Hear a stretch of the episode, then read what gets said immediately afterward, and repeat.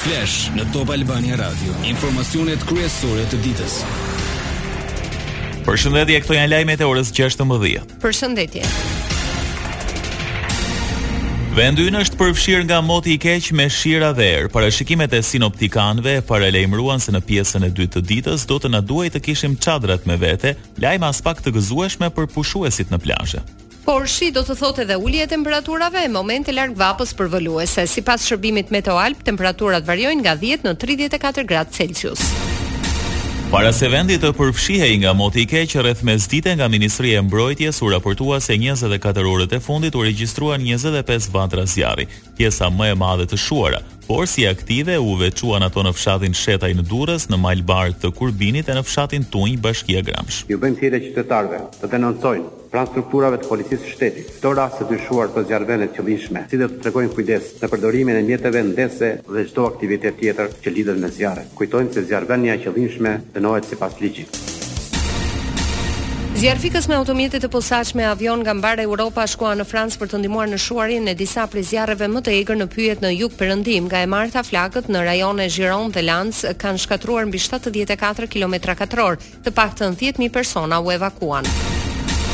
Një trailer i ngarkuar me grurë dhe që vinte nga Durrësi drejt Tiranës u aksidentua sot, fatmirësisht nuk pati të lënduar, por një pjesë nga ngarkesa u derdh në tokë dhe gjithashtu u krijua trafik nga bllokimi i aksit. Pas orës 14, drejtuesi humbi kontrollin e mjetit e për pasojë doli jashtë rruge.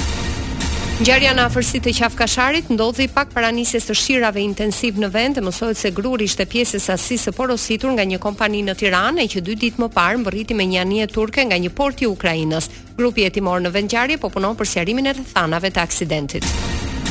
Policia njoftoi se arrestoi Sokol Boden, ish-shef i policisë në Dhërmi në kërkim nga 2017. Bode u shpall fajtor si bashkëpunëtor me grupin e Habilajve të arrestuar në Itali për trafik droge. Kujtojmë se dosja Habilaj çoi dhe në arrestimin e ish-ministrit të Brendshëm Saimir Tahiri, i dënuar me tre vite e katër muaj burg për shpërdorim detyre. Bode, i cili jetoi jashtë vendit në arrati, kishte vetëm disa ditë i kthyer në Shqipëri, në vendlindjen e tij në një fshat të Beratit, ku dhe u arrestua. Nga gjykata e posaçme u dënua me 12 vite burg për akuzat e kultivimit të bimëve narkotike, grupit të strukturuar kriminal dhe trafikimit të narkotikëve. Lajmet në internet në adresën www.topalbaniaradio.com. Me një notë verbale, misioni i Shqipërisë në Këshillin e Evropës në Strasburg njofton vendet anëtare për rezolutën e miratuar nga Kuvendi më 21 korrik. Aty vihet në dukje se të gjitha gjetjet e raportit të senatorit Dick Marty nuk duhet të konsiderohen të vërteta. Raporti u votua më 2011 në Asamblenë Parlamentare të Këshillit dhe përfaqësuesi i Partisë Demokratike votoi pro. Miratimi lejoi misionin e Bashkimit Evropian në Kosovë të hetonte pretendimet për krime të luftës nga UÇK-ja dhe trafikim organesh. Lajme nga rajoni.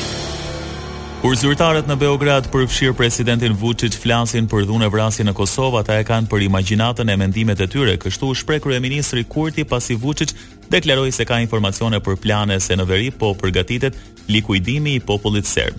Kurti u pyet edhe mbi nismën e qytetarëve që kërkojnë të shfuqizohet një udhëzim administrativ për të ndaluar mbajtjen e shamisë në shkolla. Qëndrimi është që nuk duhet të ketë ndalim të shamisë dhe të elementeve të tjera fetare në jetën publike të qytetarëve, duhet të jenë të lirë. Por gjithashtu kam thënë se mosha 16 vjeçare është pragu dhe moshën 16 vjeçare ne e shohim si prag për shumë gjëra, të cilat kanë ndodhur, por edhe të cilat do të duhej të ndodhin.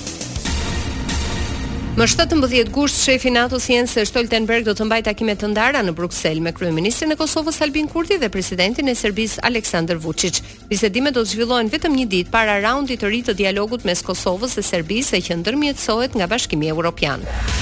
Lajme nga bota.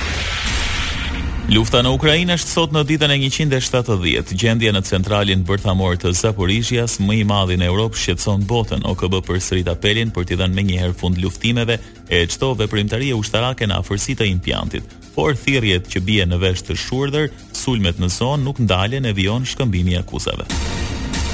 Për Moskën rëndon mbi presidentët e Amerikës dhe të Ukrainës Biden dhe Zelensky përgjegjësia lidhur me pasojat e mundshme tragjike të sulmeve në centralin bërthamor ukrainas të Zaporizhias. Vyacheslav Volodin, kreu i Dumës, dhomës së ulët të parlamentit rus, shkruan: "Veprimet e Washingtonit e të regjimit të Kievit rrezikojnë një katastrofë bërthamore." Por presidenti ukrainas Zelensky nuk ka dyshime se bota duhet të reagojë për të dëbuar rusët nga Zaporizhia. Sipas tij, vetëm tërheqja e plotë e rusëve do të garantonte sigurinë bërthamore në Europë. Një tjetër zhvillim, Departamenti Amerikan i Shtetit deklaroi se nuk ka gjasa që qeveria të ndalojë vizat për shtetasit e Rusisë. Donald Trump bën thirrje të publikohet menjëherë urdhri i FBI-së për bastisjet në shtëpinë e tij në Florida. Apeli i ish-presidentit amerikan erdhi disa orë pasi Departamenti i Drejtësisë i kërkoi një gjykate të tregojë urdhrin nisur nga interesi publik mbi çështjen. Ende nuk dihet sa shumë informacione mund të ketë në dokumente nëse ato bëhen publike. Në një postim në Truth Social, Trump shkruan, jo vetëm që nuk e kundërshtoj publikimin e dokumenteve, por do të bëj edhe një hap më tej duke i inkurajuar t'i publikojnë menjëherë këto dokumente. Bastisjet e Byrosë Federale të Hetimeve në Mar-a-Lago i quan të pajustifikueshme e të panevojshme. Dëgjuat një përmbledhje të zhvillimeve kryesore të ditës. Edicioni informativ i radhës është në orën 17. Unë jam Doriana Lato. Unë jam Edi Hallaçi. Kjo është Top Albania Radio.